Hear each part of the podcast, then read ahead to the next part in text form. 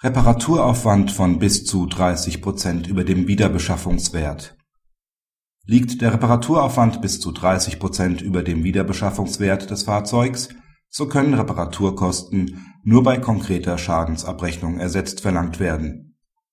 Reparaturkosten für eine Teilreparatur, die den Wiederbeschaffungswert nicht übersteigen, werden nur ersetzt, wenn diese konkret angefallen sind oder das Fahrzeug wertmäßig in einem dem Wiederbeschaffungsaufwand übersteigenden Wert repariert worden ist.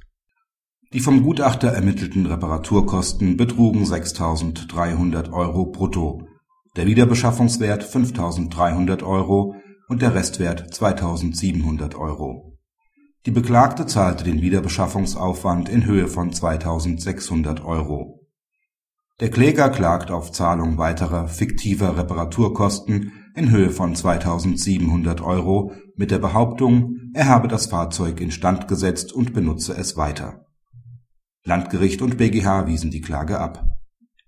In dem Fall, wie hier, in dem der Reparaturaufwand bis zu 30 Prozent über dem Wiederbeschaffungswert liegt, können Reparaturkosten nur bei konkreter Schadensabrechnung ersetzt verlangt werden. Die Reparatur muss dabei fachgerecht und in dem Umfang durchgeführt werden wie ihn der Sachverständige zur Grundlage seiner Kostenschätzung gemacht hat.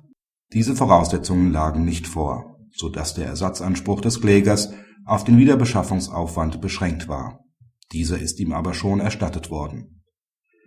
Das Landgericht hat auch zu Recht kein Sachverständigengutachten darüber, ob das Fahrzeug in einem Umfang repariert worden ist, der den Wiederbeschaffungswert übersteigt, erhoben Verfahrensfehlerfrei wurde der Vortrag des Klägers als unsubstanziiert bewertet.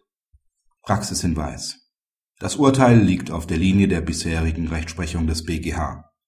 Klargestellt wird, dass Reparaturkosten für eine Teilreparatur nur ersetzt werden, wenn diese konkret angefallen sind oder zumindest nachweisbar wertmäßig so repariert wurde. Dann erhält der Geschädigte auch über den Wiederbeschaffungsaufwand hinaus bis zur Höhe des Wiederbeschaffungswerts die konkreten Aufwendungen der Teilreparatur ersetzt. Diese Voraussetzungen lagen nicht vor, beziehungsweise reichte der Vortrag des Klägers hierzu nicht aus